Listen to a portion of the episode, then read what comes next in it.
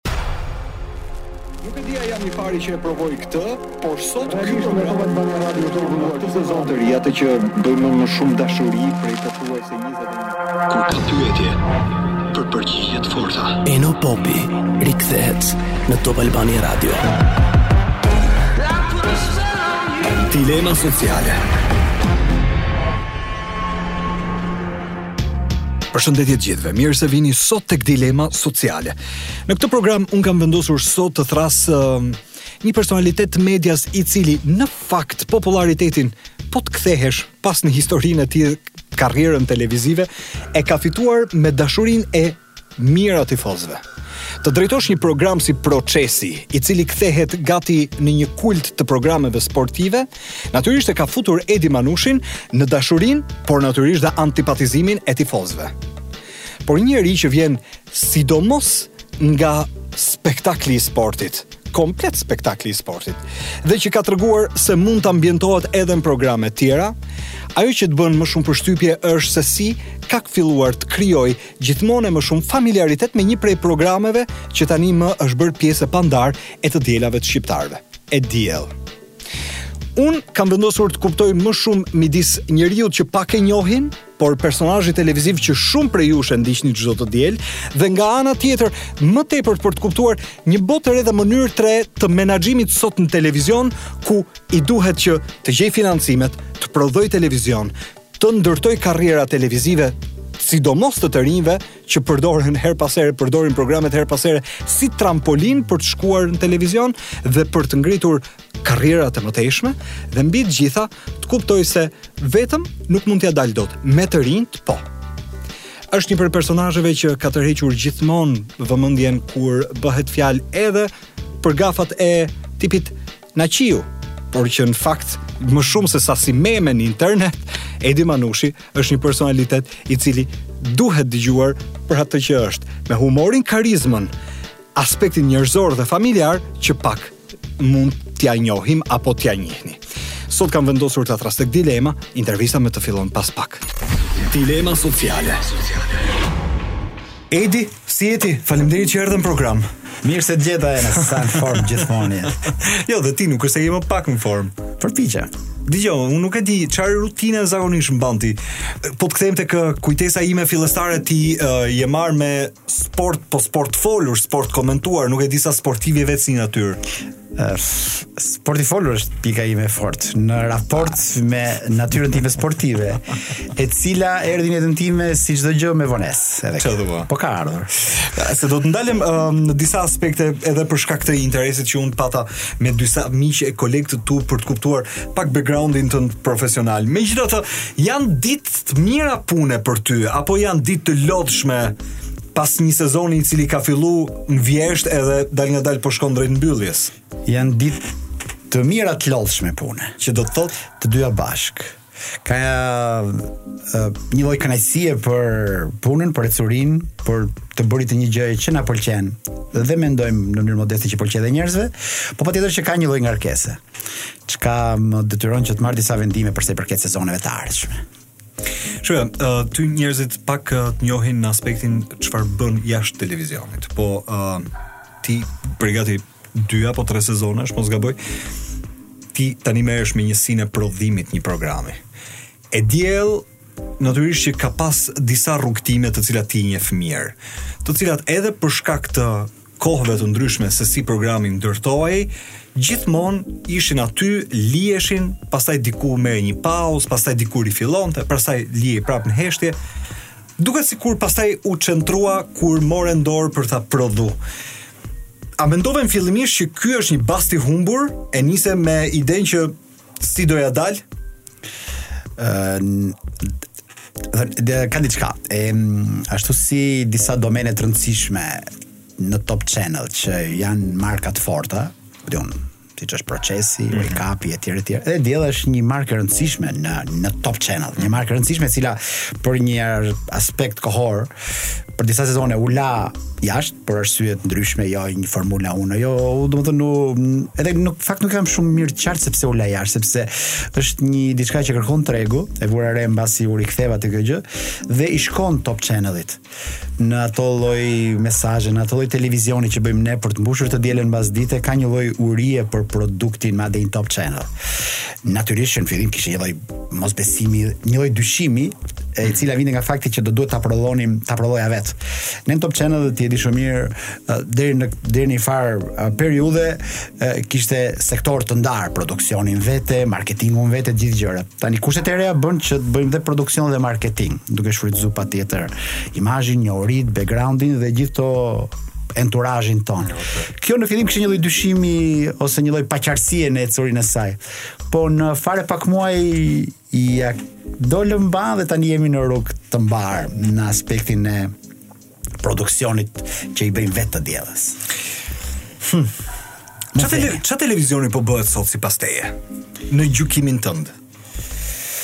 Dëgjo, televizioni ë uh, un flas shpesh me me miqtë e mi se un kam një lloj moshe në krahasim me bashkëpunëtorët e rinj që bëjnë televizion sot. Okej. Okay. kam një mik shumë të mirë që është historian, Artan Puto, mm. me të cilin vjet bashkëpunova për të bërë brenda të diellës disa të fusen disa element kulture që janë nuk janë shumë element YouTube-i, por pëlqejnë dhe shifen nga njerëz. Nuk arrij ta mas mirë se çfarë shikueshmërie kanë këto lloj programesh. Bën 3 minuta histori. Dhe në një analizë të shpejtë dhe të shkurtër që bënte Puto thoshte që po kjo ishte pak botërore si si konkluzion jo vetëm shqiptare që dikur televizionin e bënin njerëzit profesorët, njerëzit e ndritur për edhe merrte si model Rain, për t'i çuar njerëzve mesazhe avangard. Me kalimin e kohës, jo nuk shkojnë më këto lloj nivele këto figura në televizion. shkojnë më të thjeshtat, më populloret. Mm -hmm. Me pak fjalë, me pak fjalë, sot televizioni është një produkt që bëhet për shtresën e mesme dhe për shtresat edhe ekonomikisht më të ulta, ato konsumojnë shumë televizion, mm -hmm. ku pasanikët paguajnë. Mm -hmm. domethënë reklamën. E kuptoj. Kështu që uh, ne duhet të shkojmë tek shijet e kësaj kategorie njerëzish. Ah, detyra jonë. Detyra jonë është që pavarësisht që t'i përshtatemi tregut dhe kërkesës së këtij publiku, në atë përqindje dhe atë lloj besnikërie që ne kemi me edukatën, me kulturën, me personalitetin tonë, të shpërndajmë kulturë, të përpiqemi maksimalisht të shpërndajmë kulturë edhe kur bëjmë një televizion të këtij tipi. Ajo që s'kemi zbuluar dot asnjëherë është linja midis këtë nuk e di kush kur do e kuptojë, kam gjithë ato vite eksperiencë midis ajo e famshmja ndarëse midis YouTube mm -hmm. konsum mm -hmm. dhe kulturë. Shiko, do vim pak tek një diskutim i cili kam përshtypjen ty të përfshin sepse je në presionin e uh, vazhdimisht një audiencë që ti do ta targetosh, që është familja, është përgjithësisht uh, po ja që na u shtua dhe YouTube-i. Të është dashur të bësh kompromise për këtë punë? Po, mund të them që po, po, mund të them që po. Pra, ka, ka, ti ke nxjerrë në ekran gjëra që s'ke dashur. Ë, ose s'të kanë pëlqyer, ose të kanë thënë që kështu mund të jo, ecësh me klikime. Jo, në kushte në kushte të tjera nuk do i nxjerrja, po jo që nuk më kanë pëlqyer. Domethënë, edhe këto gjëra që kam nxjerrë në ekran të kondicionuara nga kushtet, jam përpjekur maksimalisht për t'i dhënë gjurmën tonë, qytetarin tonë të, dhe për ta për ta shpërndar sa më ëmbël dhe sa më në mënyrë pozitive qytetare tek njerëzit. Nuk e di se a kemi dalë bank kështu. A di pse kam uh, kuriozitet unë Edi sepse një pjesë e mirë e kolegëve të cilët uh, bëjnë media për një jetë vazhdojnë të shohin tani që ka tani është e dukshme më përpara ndoshta nuk e kuptonim në formën tradicionale, po tani është më e dukshme, që ka një dominancë të gjërave që bëhen shpejt, pa një lloj përmbajtje dhe pa kuptuar se çfarë dëmi kolateral mund të shkaktojnë, pavarësisht se si i emetojmë ne gjërat. A ke menduar ti ndonjëherë që le të themi shikuesi fundor mund të jetë uh, ai që diku është i kënaqur, diku është i dëmtuar? dikush largohet nga televizioni sepse nuk e gjen më veten, dikush afrohet te televizioni sepse nuk ka pse lodhet. Pra kanë filluar të ndrohen duart e njerëzve. Audienca nuk është më e njëjta.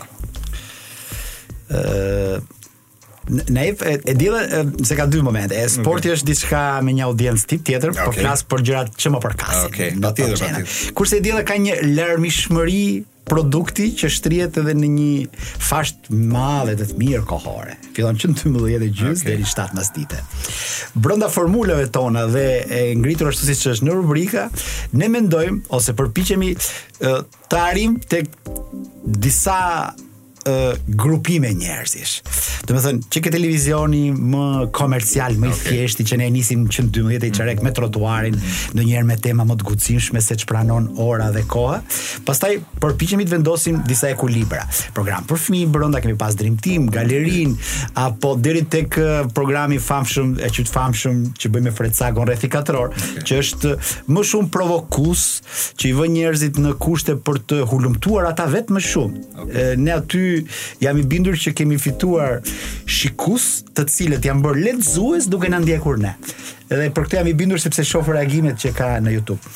Tentova unë një, një moment dhe ti e mban mend t'i bëj një intervistë Fred Cakos dhe shifja komentet. Hmm, ka sepse, po, ka qënë Fredi këtu. Sepse në një uh, ballafaqim mbi uh, disa që disa të vërteta të cilat Fredi i reputon konspiracioniste në një po. Po. sens ka një lloj uh, mosbesimi publik. Dhe ka plot nga ata që mendojnë se nëpërmjet kësaj forme mund të arrihet, pra që është uh, konspiracioni, skandalistika, uh, le të themi e panjohura e tjera e tjera, po. arrihet dhe targetohet audienca pa kuptuar në fakt se sa dëm po i bëjmë me informacionin që i japim. A ke bërë ti ndonjëherë analizë që dakord në rregull klikimet shtohen, po nga ana tjetër i a ka efekt kolateral kjo? Dëgjo, Në rastin e Fredit, uh -huh. jam i bindur për një gjë që shtohet më shumë kërshëria, mm -hmm. shtohet ajo që thash pak më parë uh, nevoja për të ditur gjëra, po jepet dhe një alternativë në vitet e fundit në botë, uh, kultura konspiracioniste, nëse të quaj kështu, ka një rritje të ndjeshme. Okej. Okay. Historia pandemi, pandemia okay. Në shumë gjëra uh, ne kemi uh, një qëndrim që është zyrtar top okay. channel, që neve jemi për uh, të thënë për vaksinën, për maskën, për gjithë ato vendimet që merr. Ti thua që ke tentuar herë pas here të distancohesh nga gjërat që Cako thot. Jo vetëm jemi distancuar, okay. por neve themi aty që çdo uh, uh, sentencë thënë nga personazhet e rrethit katror është super personale. Okay. Pra nuk është e njëjta gjë me politikën zyrtare të Top Channel. Okay. Por, por derisa në glob ka një kategori njerëzish që nuk është përqindje e vogël, s'e përjashton dot. Që mendojnë një gjë si kjo, ne nuk kemi pse mos t'i japim hapësirë. Dhe kur them që ka shtuar ëm dëshirën për të lexuar, nuk nuk është fare në mënyrë hiperbol, por shumë e vërtet, sepse njerëzit kanë uri për të lexuar libra konspiracioni. A ka gjë më të bukur se sa një program televiziv të çojë dëshirën për lexim tek njerëzit? Jo, jo, Çfarë pak rëndësi ka se ç'lexojnë, ëh? Uh, jam dakord me ty që misioni mund të jetë interesant. Problemi është që uh, ndonjëherë sa, domethënë midis një gjëje që tenton ta bësh mirë dhe çfarë dëmi shkakton, pastaj këtu ka diskutime për balancat që vendosen. Çfarë muzikë dëgjon ti në makinë? Zakonisht kur hyn në makinë me familjen. Ma shumë muzikë italiane dëgjoj. Edhe të vjetër. Po, për zotin dëgjoj shumë muzikë italiane. Kam qef. Dëgjo, a i dëgjon ti uh, për shembull për rastësi se ti edhe i njef për shkak të ja, edhe viteve edhe ok, okay Ramazzotin di do Ramazzotin ti nuk do një pal qef. i Rama Ja, ja. Nuk ja, do të thënë në kur kam dëshirë Antonello Venditti këto dëgjoj. Okej. Okay. Unë dëgjoj himnin e Romës them, ore kjo s'është këngë futbolli, kjo është këngë për Sanremo. Janë legjenda ata, janë italianët janë shumë të fort në muzikë, ti e di. Oh, patjetër. Dëgjo, me mua do të jetë gjatë në program sot Edi Manushi edhe unë kam vendosur që për atë që si personalitet mediatik është, po edhe për Tej asaj që pak e njohin në raport me se është Unë e di, njoh njerëz të televizionit edhe ata flasin pak për veten në raport me pjesën tjetër, kanë kuriozitet, po intervistojnë shumë etj etj. Dilema sociale në Top Albania Radio. Unë jam akoma në radio me Edi Manushin sot tek uh, dilema. Ti e zakonisht gjithmonë e di çfarë përshtypje më ke dhënë njeri që je kaq i sakt në ose ok se nuk e di sa i sakt, po kam përshtypjen që ti je i qartë. Ja, kjo është. S'm dukesh tip dilematik. S'më je dukur ndonjëherë. Me ide të qarta, ke vepru pastër, Kam një lloj prakticiteti, më thak, në, kur bëj një mbledhje me bashkëpunëtorët e mi tani mm. se mhm. jemi bërë staf i madh, e nisëm me pak veta, jemi gati staf mbështetës 15-20 veta.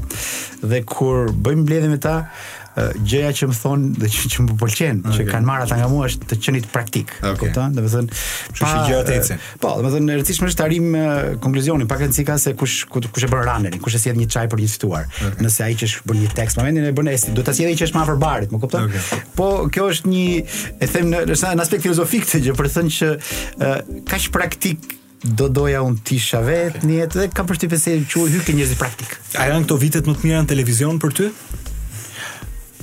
Për mua personalisht po patjetër. Mm -hmm. Patjetër sepse Pavarësisht sporti që është një markë e rëndësishme Top Channel, një program uh, që ka uh, audiencën e vet që unë e bëj me qejf, e diela është më impenjative, më e rëndësishme, po edhe më pjacë televizive patjetër. Po. Okej. Okay. Megjithatë sporti rrjedhimisht, unë e kuptoj sporti është dashuri popullore për njerëzit, edhe sporti ty ta ka dhënë një po ashtu dashuri popullore në nivel kuotimi si personalitet televiziv. Ka pas momente që ti ke thënë mu më ka lodh sporti, do ta mbyll me sportin. Apo ti në, nuk je djal spektakli 100%. Në disa në disa raste kam qenë në një lloj dyzimi. Dyzimi edhe gati për ta lënë sportin, por gjërat rrodhën që hajde dhe sezoni i fundit, sezoni i fundit, por jo, e ke parasysh ndodh kjo në herë në televizion këtu. Ha bëj edhe këtë se në në një rast mund të vijë një gjë kaq banale, po prit se kush do ta bëjë këtë vit. Se s'jemi gati, të më pyet, të më pyesësh mua se sa herë ka qenë sezoni i fundit për mëngjesin, derisa thash bëra një dhjetëshe dhe thash me vetë, ok, ky është i dhjeti dhe i fundit. Se kam qenë sidomos uh, Tre katër sezone përpara që nga sezoni i gjashtë është ky i fundit, kaq mbaroj. Mirë pa. Po, dhe prapë gjeja veten në mëngjes duke u zgjuar. Sa të bukura janë këto, po kur takoj akoma njerëz, domethënë, e di ti që ke akoma damk, i kapin në në disa gjëra të tjera. Çfarë vërtet? E them me me pozitivitet, domethënë, duket gjë e mirë për ty. Ndonjëherë njeriu mendon, do po iki nga kjo gjë, po po jam tani realisht në udhëkryq që do të marr një vendim realisht. Do pra, ka ka gjasa që ta lësh sportin. Ka gjasa që të largohem nga sporti. Po si mundet? E di si duket sikur lë gruan e parë. Domethënë metaforikisht duket kështu. E... Dhe duket si divorc i vështirë. S'e di a e ke menduar. Dëgjo, ka një ka një datë datë skadence është fjalë keqe, po ka një datë skadence në televizion. Patjetër. Në kuptimin ka cikël. Ai ka një ka në kuptimin jo, domethënë ë mbaron një cikël, mbaron një fazë, dalin figurat e reja, marrin gjërat e reja, merr dhe sporti se e problemi këtu te ne është nga që prezantuesit dhe drejtuesit pak të vjetër, siç është rasti im. Okej. Okay. Do të falësh për imodestinë këtu po dhe ti vjetër je. E lidhin shumë imazhin e vet me llojin e produktit dhe ti thu çfarë lloj impakti do japë një imazh i ri produktit. Mjafton të kalojnë dy sezone, kështu që njerëzit do rimësohen me gjë. Patjetër. E rëndësishme është për të ecur përpara dhe për të qenë pak kurajozë dhe në gjërat e reja në televizion. Eksperienca na e ka mësuar këtë, jo këtu të jap të drejtë që ka nuk ka gjë që nuk mësohet dhe nuk bëhet pastaj organike me njerëzit, vetëm çështje kohe. Bravo. Unë gjithmonë kam menduar që programet me cikle do duhet të qëndrojnë gjatë, sepse po qëndruan gjatë, cikli bën të vetën dhe bëhet familjar. Pjesa tjetër pastaj, për shembull, rasti i të dielës mund të jetë që do vazhdojë gjatë kështu, po vetëm nëse pra ti e ke në dorë, nëse ti do do do doje të vazhdonte kështu. Dilema sociale. Dilema sociale në Top Albania Radio. Un kurse kam mësuar nëse ti je tifoz i pra unë e di që ti je tifoz i Spanjës shumë ke qenë gjithmonë. Po ti ndonjëherë thell thell për shembull ke qenë tifoz i fshehur i Gjermanisë, ke qenë uh, pak tifoz i, i fshehur i anglezëve, ti thell thell ke qenë një interist, juventin apo milanist. Ti herë pas here ke shpreh simpati për Bayernin, kur nuk t'i lexova këmbët unë ty, dot. Mirë, Spanjën këtë e dim. Më pëlqen me këtë që thua se tregon që kemi arrit një lloj profesionalizmi në në punën e sportit. Tek mos shprehur se është mosshprehja e simpatisë për njëri që merret me sportin, për një skuadër të caktuar është një një gjë e mirë sepse duhet t'i pëlqejë gjithë llojet e tifozëve që janë qarkullim që në gjë. Ti mendon që unë por, pyeta për këtë Glendin Albani, më ndihmoi dhe kur pata unë një lloj kurioziteti thashë me kë është tifoz ai. Hanta më gjeje. Si thashë, s'po gjej dot. Por un po dëgjoj përgjigjen tënde se në fakt un kam përgjigjen time të marrë prej njerëzve që punojnë ngushtësisht me ty. Në fakt se duhet të kuptoj sa koherent je. Në faza të caktuara të aktiviteteve sportive ne kemi qenë gjithmonë të impresionuar nga një moment italian, Okay. Juventusit të, të, i kohës së Boniekut dhe të Paolo Rosit. Okay. Edhe Platinisë. Nga një Gjermani e madhe e shtatëdhjetë e katrës që nuk arriti që të bënte tek mua një tifoz gjerman për shkak të të rrënjëve latine që kam unë që, që i kam shumë të forta. Ë por unë konsiderohem një Tifoz i futbollit latin në përgjithësi. Okej. Okay. argjentinas e spanjoll. Tifozllëku spanjoll është ai që më ka sjell mua dhe të jem sot këtu me ty okay. dhe që më ka sjell në televizion në një farë mënyre. Mm, dhe, dhe të mendosh që ë uh, kur pyeta Glenda Albani më tha diç që herë pas here bën dhe tifo për Partizanin, por kjo tha bie në sy kur flet zakonisht për Tiranën ose bëhet me Tiranën zakonisht kur flet për Partizanin. Thash po për Partizanin pse? Se dita e ka shtysën nga Olsi Rama. Tifozllëku Partizani fakt është më shumë se Olsi është histori mbasi Gaz Demi u bë presidenti i Partizanit. Disa nga ne u bëm çik tifozë me Partizanin, po unë në po Shqipëri jam, po jam totalisht tifoz i Dinamos, në mungesë të Dinamos. Dhe këtë e kam thënë gjithmonë. Okay. Edhe Dinamo i lë për Naskës llajt zërit çu ball gjinit. Pra, se kam dëgjuar, kam zbuluar një gjë që më pëlqen shumë. Radio nuk e ndjekan vetëm të rinjtë. Kështu që duke thënë këto emra, po, po. kam bërë yeah, po. Është e pamundur. Ti në radio, unë jam shumë i bindur tani ke dëgjues të cilët janë moshatarë të tu, që më ose më shumë ndoshta të që them. Ndoshta edhe më të rritur, edhe më të. Se e di për një arsye, sepse uh, tani është momenti që kthehen gjithë nga puna. Është mm -hmm. pak po e sigurt ti ke uh, njerëzit që janë duke na dëgjuar dhe po përcjellin kujtime Qoftë edhe Dinamon tënde që s'është më. S'është më. Por mua më duket si um, ti bën këtë rrethin katror, por duket si elementi i tretë ky Dinamo, duket sikur ti je asnjë, s'do dhe tak fut Dinamo në lojë. Jo, jo, un jam totalisht Dinamo. Okej. Okay. Me këtë e mbyll me sportin, ama nuk mund të heq dorë dot pa pasur një lloj interesi Europiani është tek dera. Mm. Dhe ju filloni sfidën me Europianin. Si do të jetë Europiani ndërtuar në Top Channel? Se kam përshtypjen që mirë, pjesa e sportit që do bëjë të vetën dhe procesi është gjithmonë aty, po Europiani si do të vijë këtë vit? Duke pas parasysh që ndonjëherë ti do duhet të kesh highlight-e, ti do duhet të kesh për çfarë elementësh po mendoni? Ëm ehm, um, Rikthejmë një program që tashmë është nga më të traditës në Top Channel. Mm -hmm. Top Arena ne e quajmë, mhm. dikur ka qenë proces Europë, proces botëror. Është e 6-7 edicion. Okay. Aq sa europianë kemi ne që në vitin 2006-7 që bëjmë këtë okay. procesin, kështu që do ta rikthejmë përveç bazës sportive që ka, ku nuk do mungojnë highlights-et, okay. do gjendet patjetër mënyra që në Top Channel t'i kemi highlights-et. e duke i blerë, nuk diskutohet.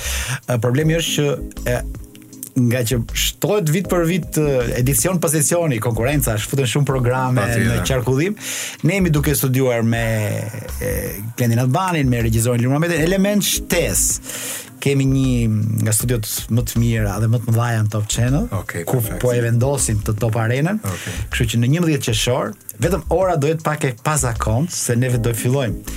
Kemi një ide që ta fillojmë në orën 10, çka do të thotë që pjesën e dytë të disa ndeshjeve ne do të do t'i komentojmë mm, domethënë do bëjmë pak radiofoni televizive.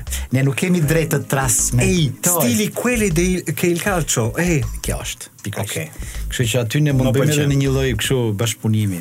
Do kërkojmë një komentator të mirë radio. Okej. Okay. Edhe bëjmë një Top Albania Radio, Top Arena 5 minuta bashkë. Do ishte per.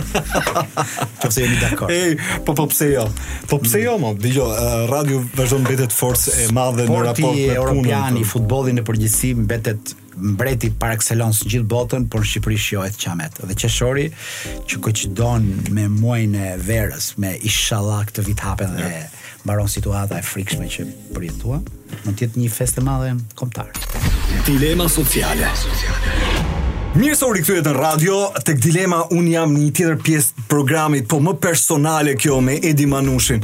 Nëse un jam xheloz për ty, në një pikë. Ku? Thonë që je kthyer mbreti i femrave në televizion. Domethënë, praktikisht, kur në një moment eh, me kolegët po diskutonim, dëgjo se kush mund të ketë më shumë sukses me vajzat në ekran, thanë gjithë Edi Manushi. Okej, okay, thashë, ai është specialist i vërtetë.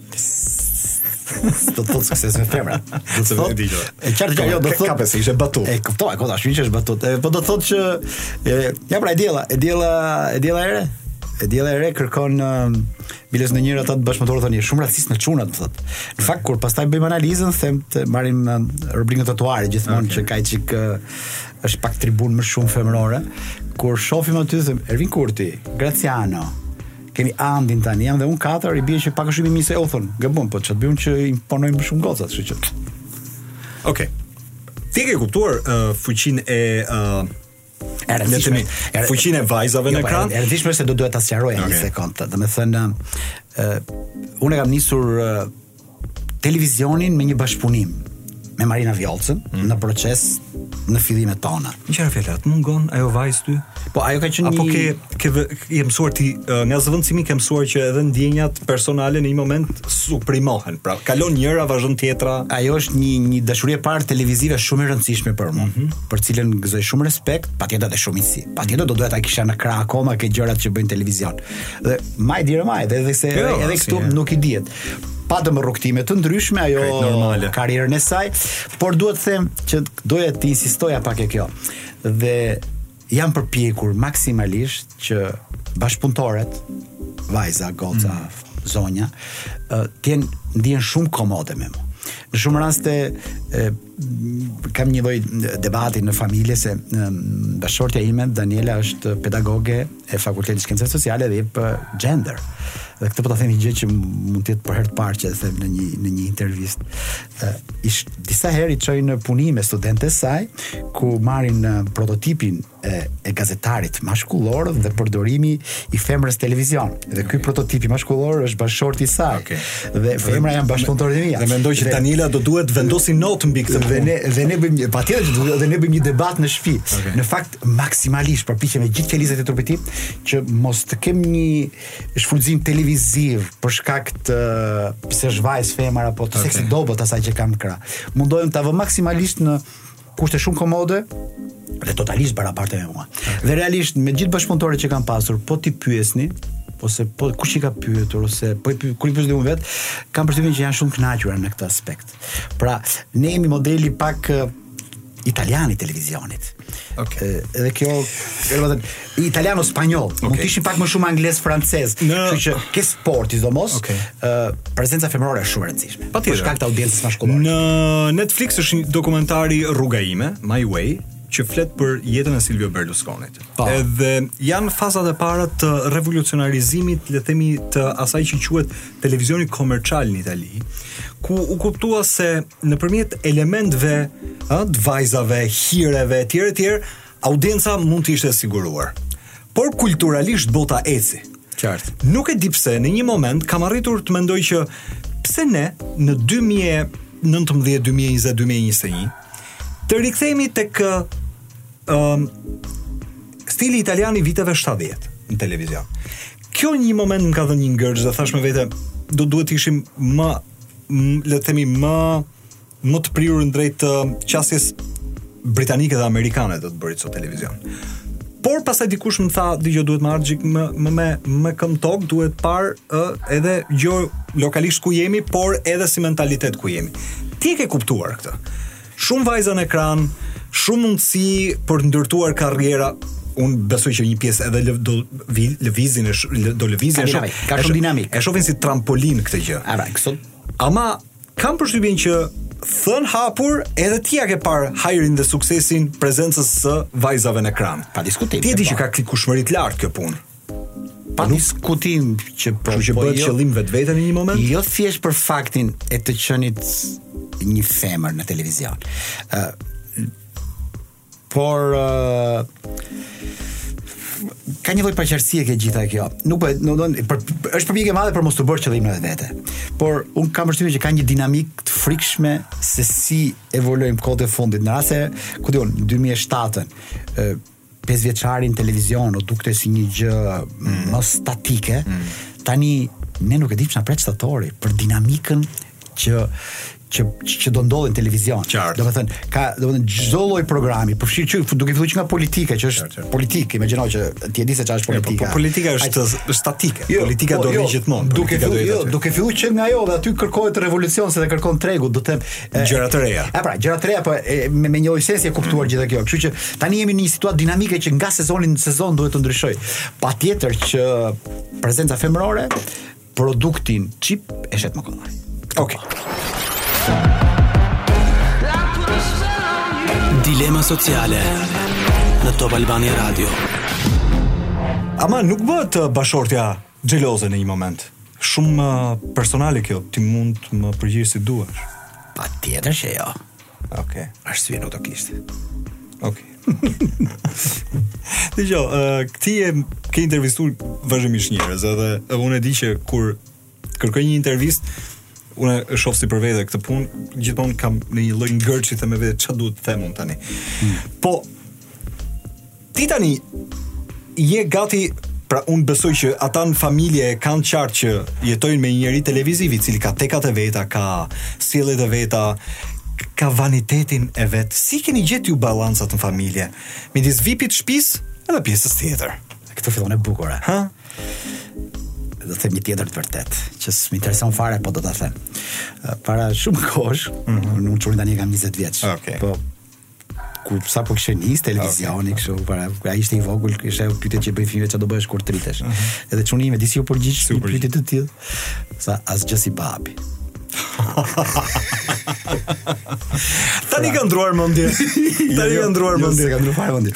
Ata nuk kanë, domethënë, është e çuditshme me ky brezi që kemi ne sot, ë e konsumon televizionin shumë në në celular. Pa diskutim. Hiqen si indiferent po konsumojnë televizionin në celular. Madje me podcastin edhe radion konsumojnë shumë në celular. E di, e di, Besoj se e di këtë. Bëjnë indiferentin, por nuk është se kanë ndonjë ndonjë krenari të madhe për këtë vipin që kanë shpi në shtëpi, unë mund të them që le ta dëgjojnë ata, jam i diskriminuar. Pse? Gjithë punët e, domethënë, unë jam njeriu që duhet blej ujin po s'pati shtëpia, ata janë dembela, okay. duhet dal blej dhe djathë ke lagja, mos kujto. domethënë, kjo është një arma ime e fortë që jam, domethënë, jam babai që përpiqen të japë shembullin, nuk e di sa e arrij këtë okay. duhet pyetur ata, po bëj maksimalisht përpjekje. Po jemi shumë të sheshuar. Gati gati ndihem i diskriminuar. Shishi. Po. po. Megjithatë, ti do doje Pra lëri fëmijët çfarë duan për vete, po ti kur vizionon, ë, dalëngadalë karrierat e fëmijëve ata janë ende, uh, si me thënë në shkollën në periudhën e formimit shkollor etj etj, pra do i ndërtojnë karrierat. Po. Çfarë do doje ti që ata të ishin në jetë? Nuk do doja që të ishin në televizion. Po pse? Është e lodhshme. Okej. Okay. Vetëm kaq. Dje takova një mikun tim doktor. Vetëm se është e lodhshme apo zhgënjyese? Është është strapacuese. Edhe pse duket sikur është mashkullore dhe kjo që them, po është e vështirë të mbash familjen me televizionin sot për një kryefamiljar. Okej. Okay. Jam gati bindur për këtë. Ndërkohë ti je duke më thënë dalëngadalë Ed që ka pasur edhe disa kompromise të tjera përtej televizionit ose nuk diskutohet. Domethënë kur uh, e nis uh, ose duhet të jesh një gjë e konsoliduar, e nis me këmbë të mbarë, bën karrierën siç duhet. Rasti ideal do ishte ky joti. Ose ose të bërit televizion në kushte pak minore. Dëgjo, mos më merr mua si etalon sepse jo, unë kam përshtypje të kam të përballë. E kuptoj, po unë kam historinë tënde se e njoh. Unë të falenderoj edhe. Dëgjo, interesant. Ne kemi pas gjithmonë një marrëdhënie kështu të respektit reciprok që ja ku na ka, ja ku është tani, pra ne jemi ulur përballë njëri tjetrit dhe bisedojmë, po ideja është që ti ke ca aftësi uh, menaxheriale të cilat s'i, unë për shkak se te vetja nuk i njoh kurrë, s'i kam pasur kurrë dhe prandaj ndonjëherë me stilin e ri të të bërit televizion sot uh, un, e jo ti, un jam në këtë metakrizën tani përpiqem të gjej ku. E di nga se vjen kjo ha. kjo vjen se unë këtë diskutim e kam bërë gjerë e gjatë një herë dhe me Ledion ah, okay. uh, në dallim nga mua ju të dy jeni figura totalisht made in mediatike ju keni dal keni domethënë djepi juaj ka qenë radio dhe televizioni dhe të dalit që këtej është shumë e vështirë për ju të trokitur në portë E kundërta ju, unë vij nga nga një background tjetër, vij nga rruga në kuptimin e mirë e kështu, më thonë ca, vij nga të punuarit në shtet në një fazë të caktuar të jetës. Dhe kjo gjë në kushtet e reja të të trokiturit nder, trokiturit në derë e them në mënyrë figurative të të të kërkuar sponsorë me pak fjalë. Ti dhe Ledioni në stil dhe në tip e keni shumë të vështirë. Ajo që mungon në këtë vend janë managementet. Pra, nga mbrapa duhet të kesh një menaxhim, siç kam përshtypjen që po funksionon Top Albania në këtë situatë të re. E personazhe të rëndësishme do të kenë gjë si kjo. Kur unë trokas në një menaxhment në Shqipëri çfarë më ndodh? Vendosem në kushte shumë diskriminuese sepse ata do të marrin pjesën e luanit. Patjetër. Kështu që ne prandaj akoma jemi rudimentarë. Po kini parasysh edhe tregu mediatik dhe në këtë gjë po reformo, po po, po formohet në Shqipëri. Do do do dojë dekadën e vet. Okej. Okay. Ëm um, un e di që e shkuara jote si një njeri që ke, që ke kaluar një pjesë të mirë të rinisë në komunizëm, diku të ka lidh me marksizëm leninizmin si si element si element të doktrinës, po për këtë do të flas vetëm pas pak, se ju duke dëgjuar Ed Manushin dhe këtë që sapo thashë jam i bindur s'bëni dot lidhjen, po për këtë ju tregoj vetëm pas pak. Dilema sociale. Mirë se u rikthyet në program. Unë jam me Edi Manushin uh, tek dilema sot ku ka muzikë të mirë nga ajo që e di, sidomos shtunave ju pëlqen, edhe si personazh i të shtunës, po që si personazh i të shtunës, unë zgjodha njeriun e ditës diel. Pra mendo, të marrësh shtunën njeriun e ditës diel, që ti mund ta kishe emrin dhe i diel Manushin ndryshe. Shikoj. Ë uh, rinia jote ka qenë një rini midis se më thënë, një familje që sido që të jetë, ka qenë, ju ka rritur tre djem në komunizëm, tre po jeni tre vllezër, më kanë treguar që uh, dy prej tyre kanë një aftësi menaxheriale për punët e bizneseve në qytet të dukshme, Ndërkohë ti ke qenë më ndryshe. A ke qenë ti ai që studionte më shumë, ai që doje të krijoje një karrierë, le të themi, më më burokratike, më punë institucionale, më punë pedagogjike pse jo? Po, fillimet e mia po kështu ishin. Domethënë në në kohën e komunizmit të studiuarit Mm, ishte një gjë që nuk i qëllonte ta kishin gjithë, nuk u bë, ishte universiteti ishte e, për të aftët për vërtetë, për ato që mbaronin shkollën e mesme me rezultate shumë të mira, mm. kishin të drejtë dhe mundësi për të bërë universitet, nuk ishte kaq e hapur mm. mundësia për universitet. Por ndërkohë ishte si një mundësi shumë e mirë për të pasur në atë kohë një punë të mirë, për të pasur një profesion dhe një pozicion, edhe një pozicion okay. social më komode. Okay. Kështu që këtë ta krijonte universiteti. Por ne na kapi tranzicioni në kuptimin që unë mbarova universitetin, bëra edhe pak arsim, pak marksizëm siç do ti, bëra një eksperiencë jashtë shtetit. Mora dhe vëllezërit e mi që ishin më të vegjël se mua jashtë shtetit. Okay. Dhe çfarë ndodh? U ktheva në Shqipëri për të parë që e ardhmja ime ishte në këtë vend. I lidhur shumë me gjuhën shqipe, i lidhur shumë me, unë mbarova studime për histori. Mm -hmm. Pra, do bëja çdo gjë që të kishte lidhje me Shqipërinë brenda Shqipërisë. Karriera ime jashtë nuk mund të funksiononte në asnjë mënyrë, por nuk bëja dot as menaxher lokal, as gjëra si këto. Vëllezërit e mi të cilët erdhën mësuan këtë zanat me idenë unë që do rrinin jashtë edhe bile unë do bëja çik pashain këtu ata do ndihmonin. Edhe ata të dy u kthyen në Shqipëri, jemi të tre vëllezër këtu, kështu që ata të dy sot bëjnë bizneset e tyre të suksesshme. Unë beta në këto korridoret e, ministrisë. Po prit një moment pra. Ama si doktrinë ti e ke njohur marksizëm-leninizmin sepse e ke mësu. Pastaj një moment nga ana tjetër t'u desh që uh, ta fusje në mësimdhënie, pra ka pas disa momente që ti ke kuptu se çfarë diference bënte le të themi një sistem me një sistem që më vonë erdhi mm -hmm, dhe po. ku befas ti u bëre drejtori i rinisë. Ka një logjikë të bëre drejt te ri, hyrje tek mu. Sepse ë uh, sistemet nuk ishin aq të ndryshme. Par kështu, në, në një aspekt, ti nuk më dukesh sikur ke qenë kaq i indoktrinu nga komunizmi. I, dëgjo, Pra s'më dukesh si nga ata që ka qenë gjithë jetën pioneri i Enverit i devotshëm, jo, jo, sekretar rinie i devotshëm, njerëzit dhe befas, njerëzit në atë kohë ndaheshin në idealist dhe në karrierist. Unë qeshë gjë e mesme. Domethënë nuk arrita të bëhesha as karrierist i mirëfilltë, as idealist i arzakon, as patronazhist nuk e pata rastin të bëhesha. Kështu që në këto kushte, leksionet që të vinin për shumë njerë, domethënë, ore, komunizmi është një doktrinë që ka bërë për vete shumë njerëz. Patjetër, patjetër. Figurik, ku unë kur kam shkuar në Itali vitet 90, italianët e parë që takova ishin me ide ekstra të majta, di ça më thonin? Çfarë thoshin? Tha, si hoqët dorë nga kjo gjë, tha. Ju duhet të kishit vazhduar me shtetëzime, ju duhet të ishit kështu, duhet të ishit kështu. Ju ishit fanar ndriçues për ne. Radio Tirana ne na ka mbajt gjallë. Dua të them, komunizmi si filozofi, Nuk është e gabuar. E gabuara vjen nga mënyra si aplikohet në vende të ndryshme. Qartë. Dhe në Shqipëri pastaj po të bëjmë një analizë po ftojmë një herë tjetër, kam disa ide të mia që deri 74 shumë gjëra nuk janë bërë keq. Prindit kanë qenë kom, kanë qenë komunist? Po, të dy. Okej. Okay. Pra, si familje, i, ngado që ti ishe i rrethuar ti dëgjoje në një mënyrë apo në një tjetër se si familja e re në realizmin socialist ishte familja rasti që... rasti i familjes time mund të ishte tipike e tillë, edhe unë mund të isha tipiku i njeriu të ri që kërkonte vendi. Unë për pak u bëra njeriu i ri. Isha gati për pak. Për njeriu i ri. Domethënë mos të ishte 90 e demokracisë, unë mund të edhe mund të kisha një hapje tjetër, unë mund të kisha Tamam. A mund të më thuash si mund të jesh njeriu i ri kur ke një bluzë me palma dhe me një tigër? Tigri është vetëm për ty. Njeriu i ri. Dëgjo. Por kanë qenë ca kohë të vrullshme të Shqipërisë, tranzicionit, ku mm -hmm. t'u mhm. desh të kuptoje që Edi Rama mund, o pra, një moment ai u bë ose ti u bëre bashkëpunëtor i tij, ju punonit në ekip, ishte një njeri që tentoi të bënte disa gjëra. Kur të shihja në intervistën përballë tij, fillova të mendoj që aty ke galeria, në ke diella, po. Po. Kur shihja intervistën përballë të shihja ty përballë tij, fillova të mendoj çfarë marrëdhënie pune mund të kenë pas këta të dy. Okej, ti ke pas një detyrë institucionale, po nga ana tjetër flitej për një njeri i cili ishte sa interesant karizmatik, aq edhe i vështirë deri në çmenduri institucionale. E, e, në fakt, e, kjo periudhë e karrierës e, Ramës ishte më e lehtë se kjo e sotmja. Nuk kishte ngarkesat e sotme, nuk kishin përgjegjësitë e sotme.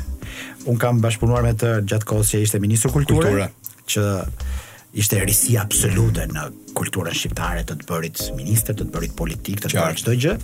Dhe një periudhë të, të kur ai ishte kryetar bashkie, edhe aty bashkëpunova pak. Qartë. Në fazën e dytë pastaj Rama u shndërrua në njeriun etatist, që do bënte shtet, që do bënte gjë dhe ishte shumë kështu shumë momente lirike, poetike, idealiste, ke Rama i asaj kohe po në gjykimin tënd, ai është u bë më i vështirë në kuptimin sepse duke pasur më shumë përgjegjësi në shtet, natyrisht që do të marrësh. Në gjykimin tënd, ai është njeri interesant, patjetër, por nga ana tjetër është autokrat dhe nuk Pra ka shkuar, le të themi, në ato limite që ndonjëherë edhe njeriu s'e kupton veten. Si e shef ti si personalitet tani? Politik. Dëgjo, politik, jo personal. Personal, marrëdhënia personale është tjetër. Të, jo, po të them një gjë të vogël, e di ku ku ka disa njerëz që kanë një ritëm më të frikshëm në okay. në, në këtë vend. Unë un, un kam dy momente të jetës time që do doja t'i kujtoja. Që kam një me Edi Ramën, një me Tanin tonë. Okay. Ata kish ata ishin të frikshëm në mesazhin televizion, në në mesazhin në celular. Sa kishin dalë celularët në atë okay. kohë dhe ata punoshin natën qamet. Dhe e natën një kategori njerëzish punonin, siç ishin ata të dy dhe disa të tjerë. Po ata të dy unë i kam pas bashkëpunëtor dhe e di gjë. E aty kuptova që unë s'isha e këtij takëmi. Unë s'ktheja dot përgjigje natën. Unë do të çohesha në mëngjes dhe të përgjigjem. Se doja jetë më më të qetë. Këtu kuptova që edhe Rama më tha qartë që rrugët tona nuk mund të vazhdonin. Ai donte tret natës, sepse ishte një gjë kështu e unë s'isha e këtij dhe edhe dua të them që është shumë e vështirë për të bashkëpunuar me me një si Edi Rama. Aq e vështirë ishte për për të bashkëpunuar me Tanin. Po të paktën ke rasti tjetër e kishim më të reduktuar marzhin e gjësë, ishte çdo gjë televizion edhe pikë, mbaroi. Kurse më pyete ç'lloj politikani, Jo, të pyeta si e gjykon ti si politikan sot? Si e gjykon ti si drejtues shteti? Ka shkuar deri në ato përmasa të autokracisë që ty si qytetar të bezdis apo ti mendon që ky është lideri që ne meritojmë? Ë uh, Un un mendoj që ai ka humbur komplet cilësinë e jetës së tij, mm -hmm. duke marrë përsipër një detyrë që Jam i bindur unë që pak njerëz e bëjnë në një vend. Ai është një nga këta. Okay. Siç mund të ishte dikush tjetër, se nuk është i vetmi. Ka shenja autarkie, se gjëra si këto se shoh tek bashkëpunëtorët që i bëjnë himne dhe lavde gjithmonë kur i ftojmë nëpër emisione, thonë se domethënë ka një lloj kulti që është krijuar shoh këta bashkëpunëtorët. Por Është ndoshta një lloj tranzicioni që që duhet të kalojë. Ajo që më bezdis është që në këtë periudhë në në vendin tonë ka shumë ka shumë korrupsion, ka shumë gjëra si këto që nuk e di ça mund të bëjë më shumë në këtë aspekt. Shiko, unë e di që ti ke një marrëdhënie miqësore me Arben Ahmetajn. Nëse unë do të rikthehem në një uh, kohë të shkuar, unë jam shumë i bindur që gati gati si një start i le të themi marrëdhënieve me punët publike, institucionet gati gati ka qenë njësoj. Por ai sot është ministër dhe një prej njerëzve të rëndësishëm në politikë. Mm -hmm. Ti sot je një prej njerëzve të rëndësishëm në televizion. Pa. Po. A kishe menduar ndonjëherë veten në politikë, ti mund të kishe qenë deputet, natyrisht mund të kishe qenë uh, pjesë e uh, institucioneve në aspekt drejtues, menaxherial, drejtor, shef kabineti. Pra ti mund të kishe qenë shumë i involvuar në politikë. Por ti s'e bëre kurrë. E di ça, pata një dialog me kur erdhi Rama që bëmë intervistën pata një dialog. Uh mhm. -huh. Pak me me fan, me shaka okay. i thashë. Po i bëre gjithë ministra, se gjithë bashkëpunëtorët e vjetër okay. janë në poste të rëndësishme. Atëherë, më fal, a kam faj unë që mendoj kështu? Jo, jo. Pra kur ju vënë një vizë, Se shiko, dhe memoria ime, vërtet ne kemi diferencë moshe, po memoria ime me ca njerëz që sot janë njerëz personalitete në fushën e tyre apo etj etj. Pavarësisht diferencës së moshës kemi shumë vite bashkë dhe njohim njëri, edhe kemi një këtë pjesë. I them i bëre të gjithë ministra, vetëm mua s'më bëre ministër. Po më përgjigjet shumë lezetshëm. Më tha, po ç'do ministër. Tha një gjë kështu okay. pak despektive për okay. ministrat. Ti je institucion. Tani më pëlqeu se neve jemi institucion në gjënë tonë, në kuptim. në thonjza. Kështu që okay. ose ma tha për të më hequr ndonjë lloj minimale ide për të qenë ministër. Natyrisht në këtë vend unë shoh që ka uh mhm. -huh. për kaq i vogël sa jemi, ka shumë ministra, ka shumë ministri, ka shumë punonjës shteti. Ka Ku di unë çdo njeri që takon në rrugë ku punon në ministri, duket e super ngarkuar kjo që. Dhe bën më shumë para tani ti. Se sa po të kishe qenë uh, fjala vjen si Ahmetaj? Me, me djersën e ballit. Dëgjo këtu, të se shumë askara. Dëgjo, mos u merr me perceptime. Ndonjëherë njerëzit krijojnë perceptime okay. të gabuara për personazhet që kanë poste publike. Ka shumë njerëz që bëjnë poste publike duke, okay. duke e, hequr për zotin cilësinë e jetës së tyre. Kujtoj te takimi jam i bindur që me djersën e ballit bëhen më shumë lek këtu patjetër. Para mikrofonit. Kujtoj te takimi tresh.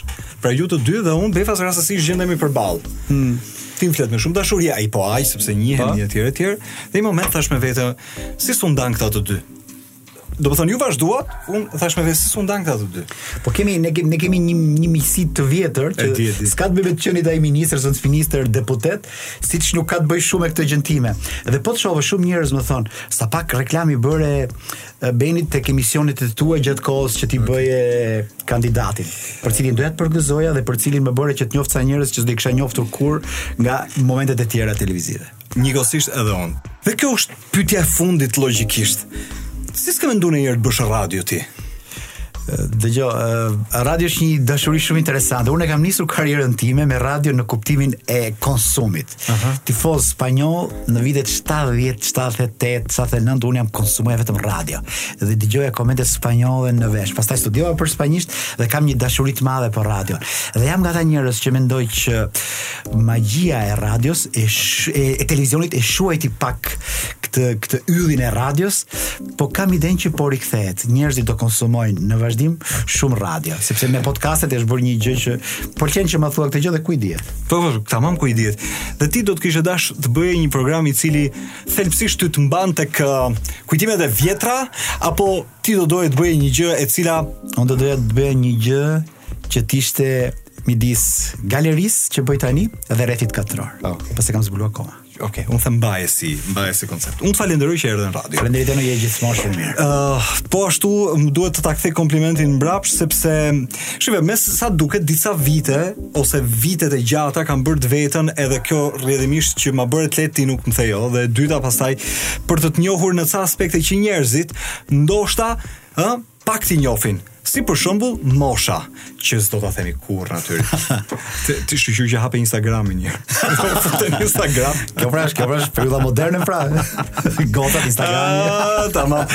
Ora dëgjoj, më thuaj ndonjëra që të ka shkruar ndonjë mesazh interesant apo s'e themi dot. Më kërkojnë vetëm punë, pa vetëm punë, punë në televizion. Ja sheh. Dhe kur unë i them që kam nevojë për një runner ose për një gocë mbrapa kuintave nuk para duan. Ja, duan të gjithë të dalin në televizion sot dhe duan për ato trampolinë fashën e Instagramit. Megjithatë, unë nuk e di nëse uh, të gjitha mendojnë që do jenë uh, next Alesia Bami. Ka dhe çuna që duan okay. të fillojnë në televizion. Por, më vjen mirë që të shohin ndonjëherë si një element mundësie për të ndërtuar karrierat e tyre. Kjo po, kjo po kanë pritshmëri. Uroj që mos të të bëjnë uh, sekserin e kohëve moderne, po ti nuk je nga ajo natyra, kështu që. Dëgjo, ku kemi mund të ndihmojmë dhe ku ka vende pune patjetër që duhet. Faleminderit të gjithëve që ishit në dëgjim të dilemës sot. Edi Manushi ishte në program, një prej personaliteteve televizive të Top Channel natyrisht, po unë kisha kënaqësinë të bëja një bisedë me të në radio. Ne dëgjohemi javën e ardhshme, natën e mirë të gjithëve. Dilema sociale.